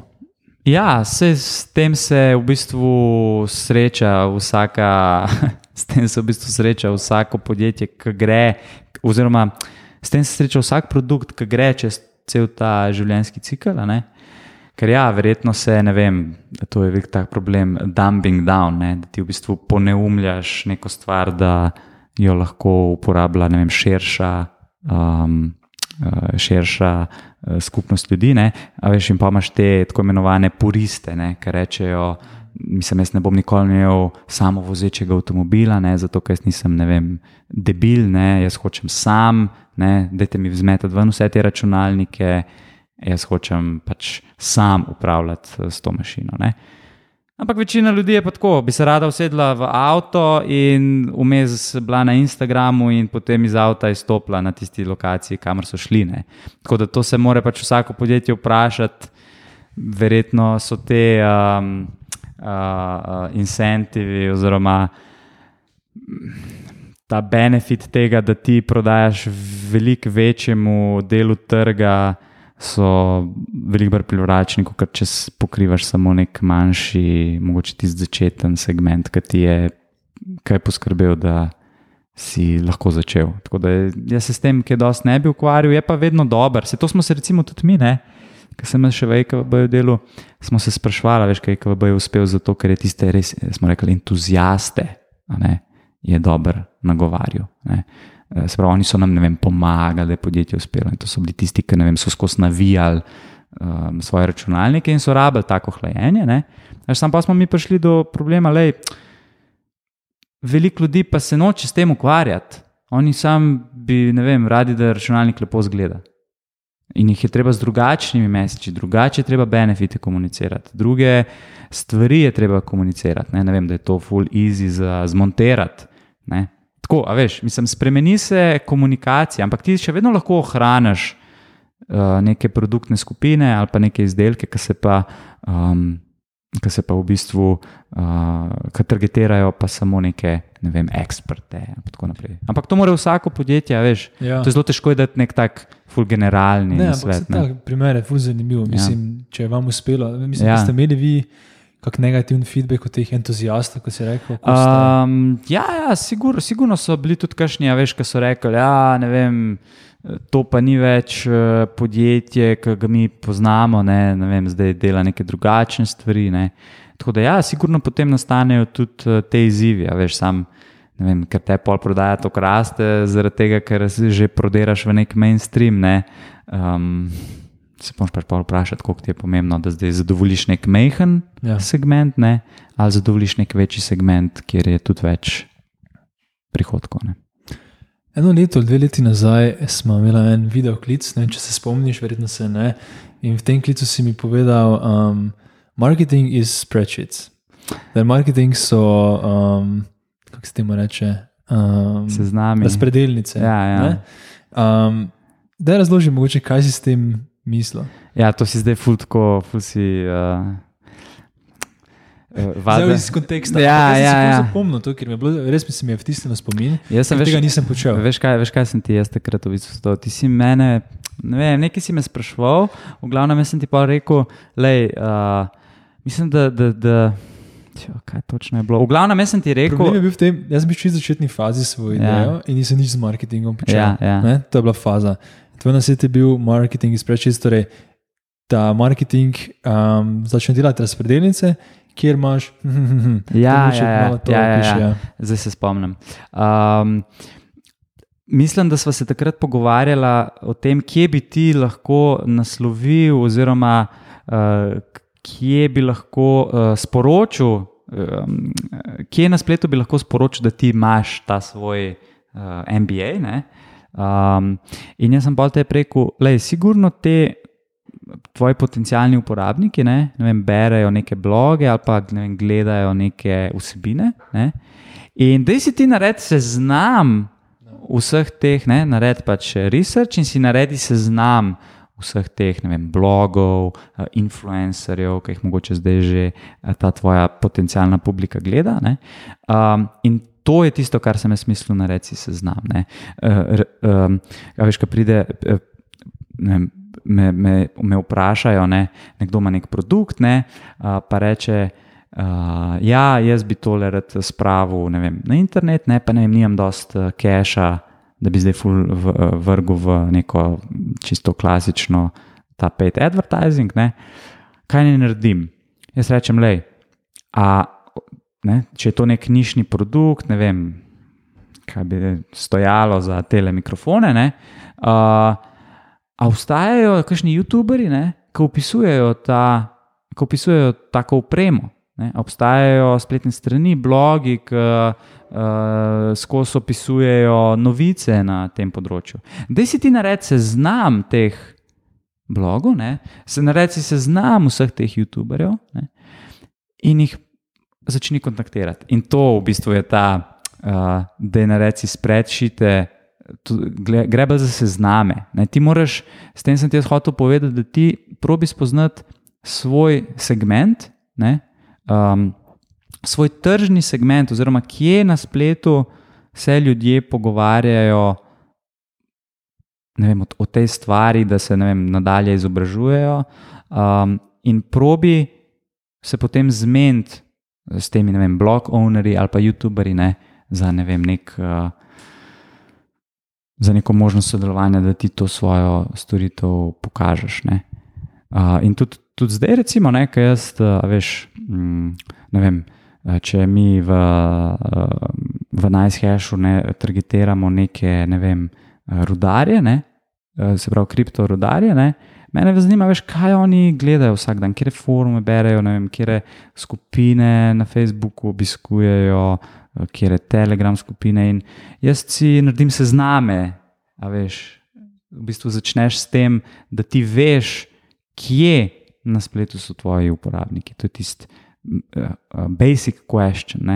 Veš, če jaz danes nekaj po spletu prodajam ne, ali pa nudim neko storitev, kje bom dubu ne, te, um, kje bom zadev, kje bom dubu pozornost teh ljudi, ki jih hočem targetirati. Preve, prevečkrat, veš, se res zdaj umejimo samo na to, ja, bomo naredili tam nek audience na Facebooku ne, in bomo, ne vem, samo res s temi adci targetira. Ne. Ti dejansko lahko danes, danes lahko ti najdeš pač dele interneta, ne, kjer se dejansko volk vem, pogovarja o teh stvareh, um, ki išče rešitev za svoje probleme, konc koncev, ne, kjer lahko ti potem zelo dobro začneš razumeti, kako jim ponuditi nek svoj solution. Kar lahko daš, mogoče, kak primer, kako si to ja. uporabljam, mogoče pri NiceHashu ali pa pri EKVB. Ja. Um, ja, za EKVB recimo smo mi imeli dejansko sezname vseh YouTuberjev, ki delajo neki, neke opise te računalniške opreme. Ne? A veš, in pol si narediš seznam, pa zbereš njihove maile in imaš v bistvu pokrit, a veš, pa pa, pa, pa tako rečeš, ne, 90, če, če zdaj seštejemo cel audience, ne, 90% našega potencialnega trga bomo mi dosegali, veš, če bomo imeli neko sodelovanje z vsemi temi uh, YouTuberji. Ne. To je, veš, to je bilo meni jasno, že preden je ta influencing, influence marketing sploh, sploh bil ne, um, to, kar je danes. Um, in v bistvu isto, isti pristop uporabljam tudi tukaj v NiceHashu. Veš, eh, ne vem, minerji, ki se stavljajo svoje rige, um, sprav, to so te mašine za rudarjenje. Oni pač gledajo neke, uh, neke YouTube kanale, ne, ki tako vsebino producirajo. In jaz hočem imeti s temi um, YouTuberi, hočem imeti nek odnos. Sej to spet ne. To so spet osnove, ki so že znane. Ne. Včasih si ti mogel vedeti, kje, včasih, eh, kje so ljudje včasih preživeli prosti čas. Ko so prišli iz službe, so Televizijo. se usedeli na kavč in so gledali televizijo. In ti si mogel vedeti, kaj je moj segment, ki ga jaz hočem targetirati. Ne vem, ali so bile to zdaj uh, gospodinje, ki so doma. Um, pa jim jaz hočem prodati ne vem, neke nove gobice za čisto ali pa neke nove posode, ne? kje naj jaz, ne, pa kdaj je to, kjer je time slot je za to pomemben. Ne? Čisto v bistvu isti koncepti, ki so se zdaj samo več preselili. Ne? Ljudje še vedno hočemo imeti entertainment, se pač nahajamo zdaj, gledamo v te mobilce, ne? se pravi v mobitele, cel cajt in ti moraš biti tam. Ne? In to je pa spet, spet gremo do tistega čist osnovnega koncepta, da ti na začetku rabiš vzbuditi pozornost. Ne? Če hočeš sploh, da nekdo tvoje sporočilo sliši ne? ali pa ga je deležen. Tako da moraš se pa vprašati, kje pa so oči mojega uporabnika danes. In valjda večino časa so na mobitelu, tako da kako se jaz lahko vprašam, kaj on zdaj tam počne. A je zdaj cel cajt vem, na nekih social networkih, a vmes skoči tudi kaj v browser, pa je na neki spletni strani. Ne? To je tisto ključno vprašanje, kje so moji potencijalni uporabniki. Za oba primera si um, izpostavil YouTube. Uh -huh. Um, je YouTube nekaj, kar misliš, da je za, je okay, odvisno od folije, odvisno od panoge, ampak mm. da imamo mogoče še par primerov drugih teh platform, ki so se izkazale mogoče kot uporabne za, za marketing. Ja, ena taka je Reddit. Um, Reddit je. Uh, oni, oni imajo ful dobr slogan, v bistvu, da razložijo, kaj so. Ne? Se pravi, če je Google spletna stran, kamor grejo ljudje nekaj poiskati, je Reddit spletna stran, kjer ti lahko vidiš, kaj so drugi ljudje našli. Ne? In potem se na Redditu se oblikujejo tako imenovani subredditi, um, se pravi, neke, um, neke se pravi, ljudje se združijo v neke podforume. Tako kot v neke podforume z nekim um, skupnim zanimanjem. In ti imaš danes, skoraj za vsako stvar, ki si jo lahko zamisliš, imaš nek subreddit. In kar je lepota, ti lahko odpreš svoj subreddit. Ne? In mi smo to, to, to smo seveda naredili tudi. Oziroma v EKB-ju, ki sem bil, smo mi takrat nismo svojega naredili, ampak smo zelo radi aktivni na tem water cooling subredditu, je, kjer so se zbirali ljudje, ki jih zanima vodno hranjenje računalnikov. Ne? Pri nas smo pač svojega uh, postavili. A veš, in tam recimo imaš ti vem, pri nas hešu imamo zdaj nekih 30 tisoč uh, ljudi na tem subredditu, ki to spremljajo. Veš, in to je, mislim, uh, ti imaš dostop, neverjeten access. Dobiš s tem, ne? ti se lahko tam vedno pogovarjaš z ljudmi, ki tvoj izdelek uporabljajo, ki uporabljajo tvojo storitev, ki ti dajo nek feedback. In to je, mislim, to je neprecenljivo. Veš, včasih si mogel ti ne vem, kakšne denarje vlagati v neke tržne raziskave, da si dubu nek feedback z trga. Danes je to praktično zastojno. Ti lahko, ti lahko objaviš post, hej, ne, users, zanima me, kaj si mislite o tem pa tem featureju. Ali bi imel ta feature rajši, ali bi imel ta feature rajši. Mislim, tako, ti lahko tako instantno dobiš nek feedback. Tako da Reddit, ne, recimo, je, je taka platforma, ki jaz mislim, da bi ga. Zdaj, ja, spet ne. Te kanali, itak so odvisni od industrije. Ne? Mogoče neke stare industrije so še vedno ne, na nekih forumih, ne? ali pa sploh niso na internetu. Ne? Zato jaz pa tudi rečem, uh, če ni na internetu, ne, uh, mogoče moraš ti meetup narediti. Ne? Pa ne vem, zbrati neke, uh, neke ljudi. Ne? Meetup, recimo, je tudi ena taka uh, zanimiva stran. Ne? In jaz kdaj tako izzivam nekoga, ne, ki mi reče, ja, kako bi jaz zdaj, ne vem, 300 evrov bi rad neki testiral, ne, bi vložil v neko oglaševanje, pa srečam, kaj pa če bi ti meetup naredil. Narediti meetup, prenesti ja izdelek, tam bo prišlo nekih 15-20 ljudi, mogoče bo 100 ljudi prišlo, ne, in boš ti tako hands-on, boš dobil, uh, boš dobil nek feedback. Ne. In to, tega, to vsi počnemo premalo.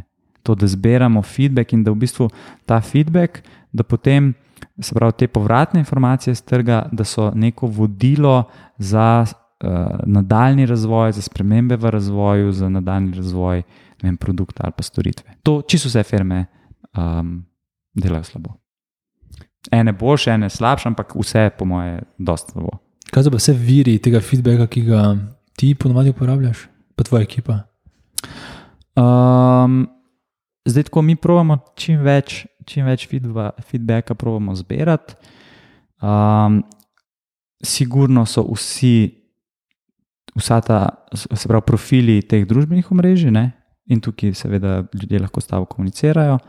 Pa pa recimo ta podpora uporabnikom, ne? customer support.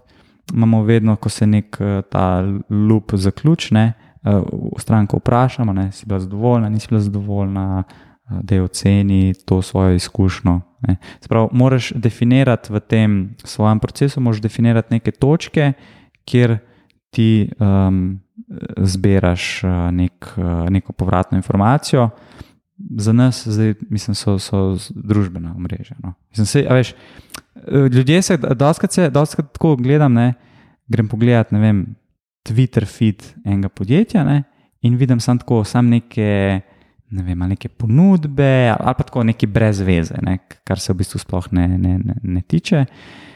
Ni pa niti enkrat tako, hej, um, a nam date feedback na to, kar mi zdaj počnemo. Ali pa, ne vem, če imaš ti nek produkt, ne, ne vem, X produkt, hej, users, ki ste kupili produkt, tell us about it. Mislim, da delno je tudi strah.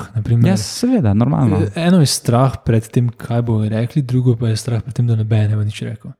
Kaj, mislim, ti, če uporabljaš en, ja, ja. če abuzaš, če tako rečemo, en kanal, ne, ja, ja. Twitter, Facebook, s tem, da veš čas samo pušaš, pošiljaš svoje sporočila ja, in ne ja. poslušaš, potem, če enkrat pošiljaš samo obratno sporočilo, zdaj pa mi nekaj povejte, se zna zgodi, da bo vsi tako. Sploh več ne. Ja, ja. Ja, ne bomo. In pa mi je smešno, da podjetja rečejo, kako bi mi dobili testimonijale. Ne? Mi si ful, želimo si testimonijalo, ne? želimo si ne vem, teh nekih izjav svojih uh, kupcev, ne? da bi to bil potem nek social proof oziroma nek uh, dokaz za druge ljudi, za druge potencijalne kupce, da smo mi v redu. Ne? Kako naj mi to dobimo? Ja, pa ste jih vprašali? Ja, ne, nismo. Ja, pa, pa ne moreš dobiti povratne informacije. Veš, zelo malo ljudi, mislim, ljudje bomo dal, bomo zelo. Um, bomo zelo uh, uh, radi dali uh, feedback, takrat, ko bo nekaj narobe. Ne? Se pravi, takrat, ko nas bo nekaj zmotil, pa veš, bo nekaj slabo, ne?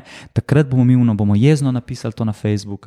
Zelo malo ljudi bo ne vem, z nečem zadovoljnih, pa bo tako šlo na Facebook, pa tako, hej to je meni ful dobr, uh, dajte vsi to kupiti. To se ne bo zgodilo.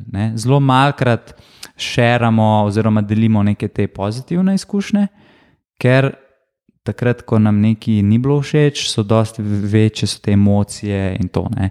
In takrat smo bolj v bistvu pripravljeni, ker mislimo, da se je nam zgodila neka krivica. Ne? Takrat smo dosti bolj pripravljeni vložiti energijo, pa veš, jezno iti ne, na Twitter in se razpizditi, ali pa na Facebook, pa napisati nek slab uh, review, da bo zdaj to vsi videli. Ne? Tako da tiste dobre, ne, good feedback je res bolj ust, od ust do ust, ne, prijatelj pove prijatelju, slab feedback bo pa celemu svetu. Um, tako da, ne vem, kaj si me sploh vprašal na začetku. uh, ne, sej, vezal bi se na te testimone, ne pa ja. to, pa nasplošno na kako predbivate feedback. Um, mislim, da je full fajna stvar tudi dejansko imeti klice za strankami. Ja, ja, ja. ja video klic 20-30 ja, ja. minut, ki lahko to boljše razumeš, ne samo kaj se dogaja, ja. ampak lahko tudi vprašaš, zakaj. Ja. Ne, tri, štiri krat vprašaš, ja. zakaj prideš do pravega problema. In, in, in tukaj, imam, tukaj imam eno zelo zanimivo, v bistvu, ni anekdota, ampak tako neko mišljenje, da velikrat, velikrat imaš ti med svojimi kupci ali pa uporabniki tvojega izdelka. Imaš Oni čutijo večjo strast do tvojega produkta, kot ga mogoče čuti tisti, ki ta produkt razvija. Ne? Se pravi, mi neki, ne vem, ti nekaj pač počneš ne?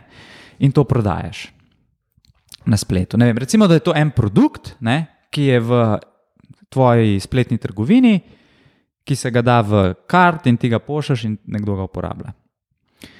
Velikrat se zgodi, da je nek uporabnik čuti večjo ljubezen do tega produkta, kot ti, ki ga prodajaš. In taka oseba, ne, mislim, taki ljudje so neprecenljivi za podjetje, ne, ker oni so ver res teh informacij, kaj je dobro s produktom, kaj je slabo, In jaz hočem vedno definirati te uh, ljudi. Skaj, in, in spet ne, ni to rocket science.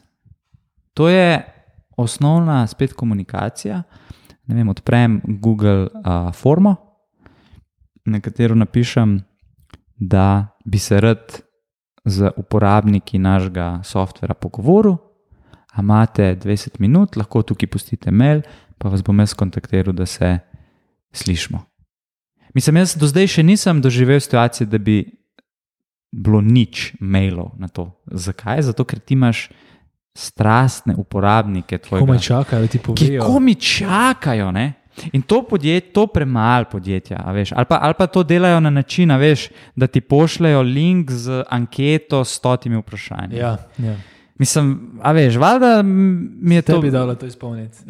To se nobenemu ne da izpolniti. A veš, če je pa tako, lej, ne, ti boš vem, se pogovarjal z nekom iz podjetja, veš, lahko bo, mislim, spet ta human. Ne, relationship. Ja, seveda, če mi pošljemo, ne vem, deset tisoč našim prejšnjim kupcem anketo, bomo nekaj dobili, pa bomo lahko tam neke, uh, bomo neke, spet bomo zmerali to lahko, ne pa bomo to full kvantificirali. Ampak, lej, mogoče ti s tem, ki boš govoril z uporabnikom, ne, face to face ali pa ne vem, prek Skypa. Boš zvedel stvari, ki jih z nobeno anketo ne moreš zvedeti. Ja, mislim, tudi, Ker ponovadi ta feedback, ki ga dobiš, je v nekem kontekstu. Ja, če imaš ja. samo neki questionnaire, Ja, ja, pre, oziroma anketo, ne, ali če prebereš neki komentar na Facebooku, ti moraš iz konteksta Ja. izvedeti ta. In veš, in veš, kaj se pa zgodi? Ne?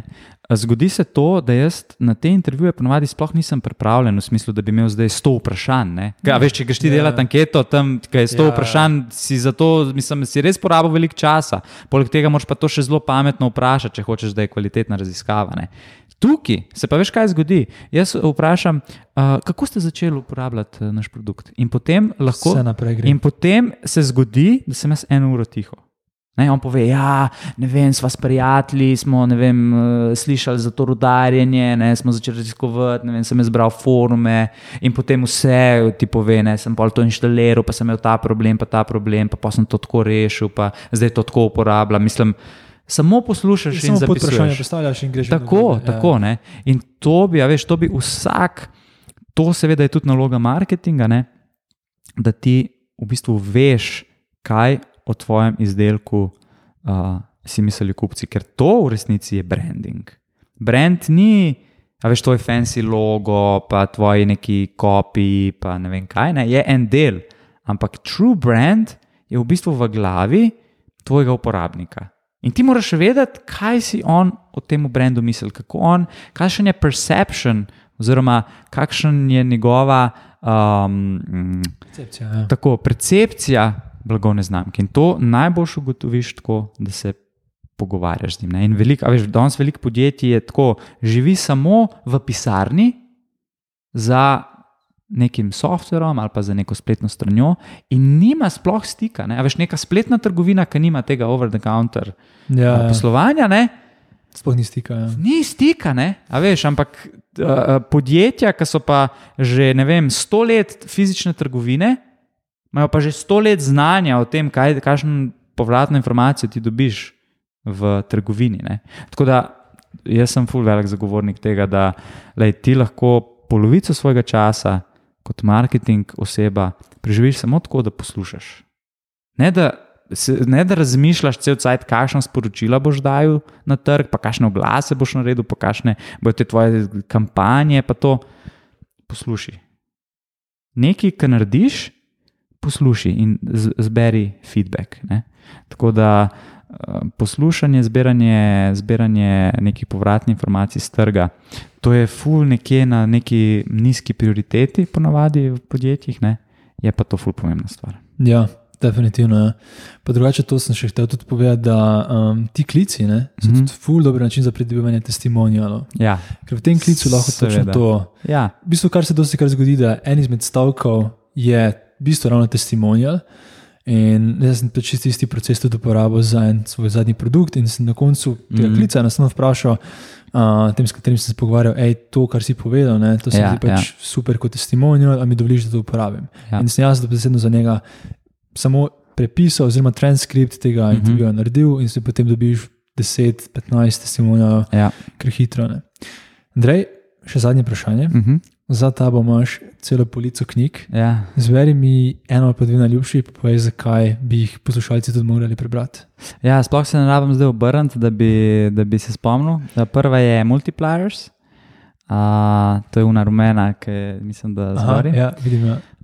Um, Multipliers je knjiga o voditeljstvu oziroma o uh, menedžerjih.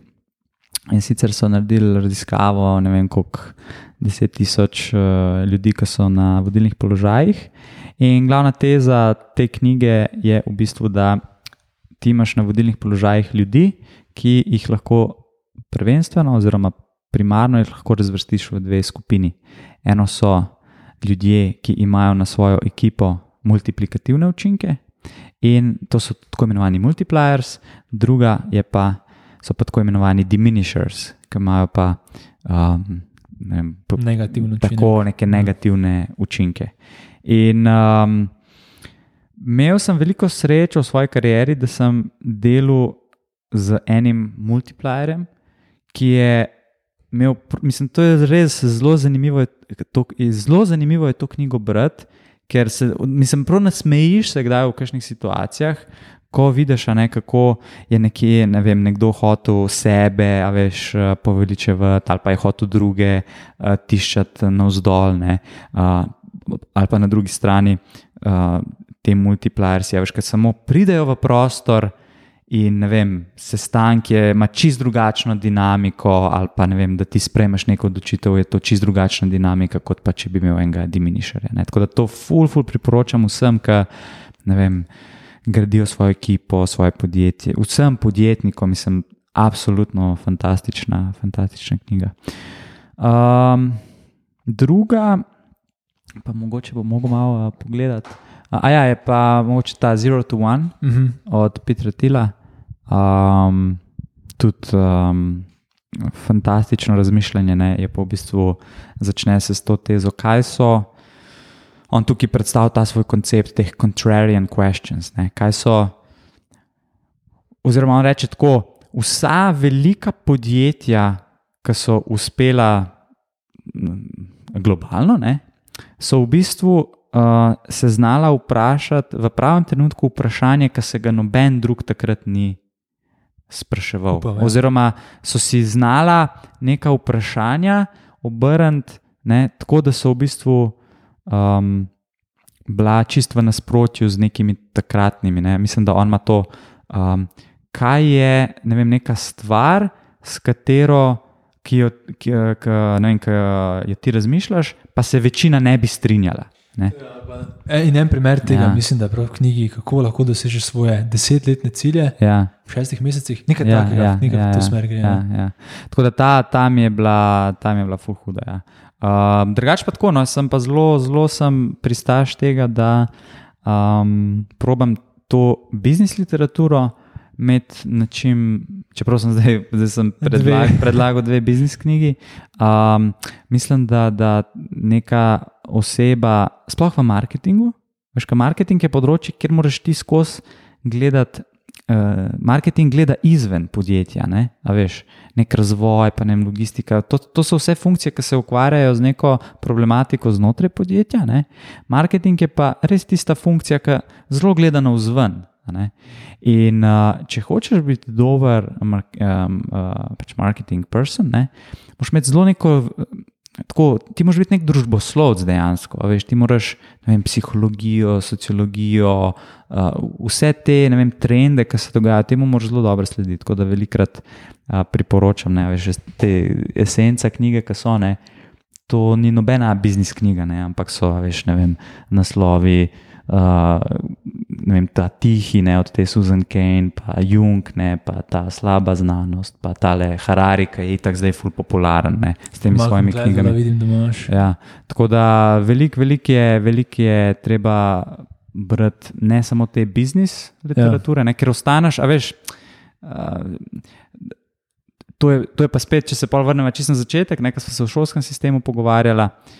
Ti moraš biti zelo širok danes, da lahko, ker kompleksni problemi, a veš, zahtevajo razmišljanje na eh, zelo tak, na en poseben način in reševati kompleksne probleme je mogoče samo tako, da delaš sintezo idej iz različnih področji. Mislim, da je to zelo lepi zaključek tega pogovora. Ja. Najlepša hvala, Andrej, da si se vzel čas. Ja, hvala tebi. Um, mogoče samo kot zadnje vprašanje, mm -hmm. kje lahko poslušalci stopijo v stik s tabo, če imajo feedback za MySash ali pa če imajo feedback za tebe ali pa Astra. Mislim, da bom tako rekel, ne? tisti, ki si želijo.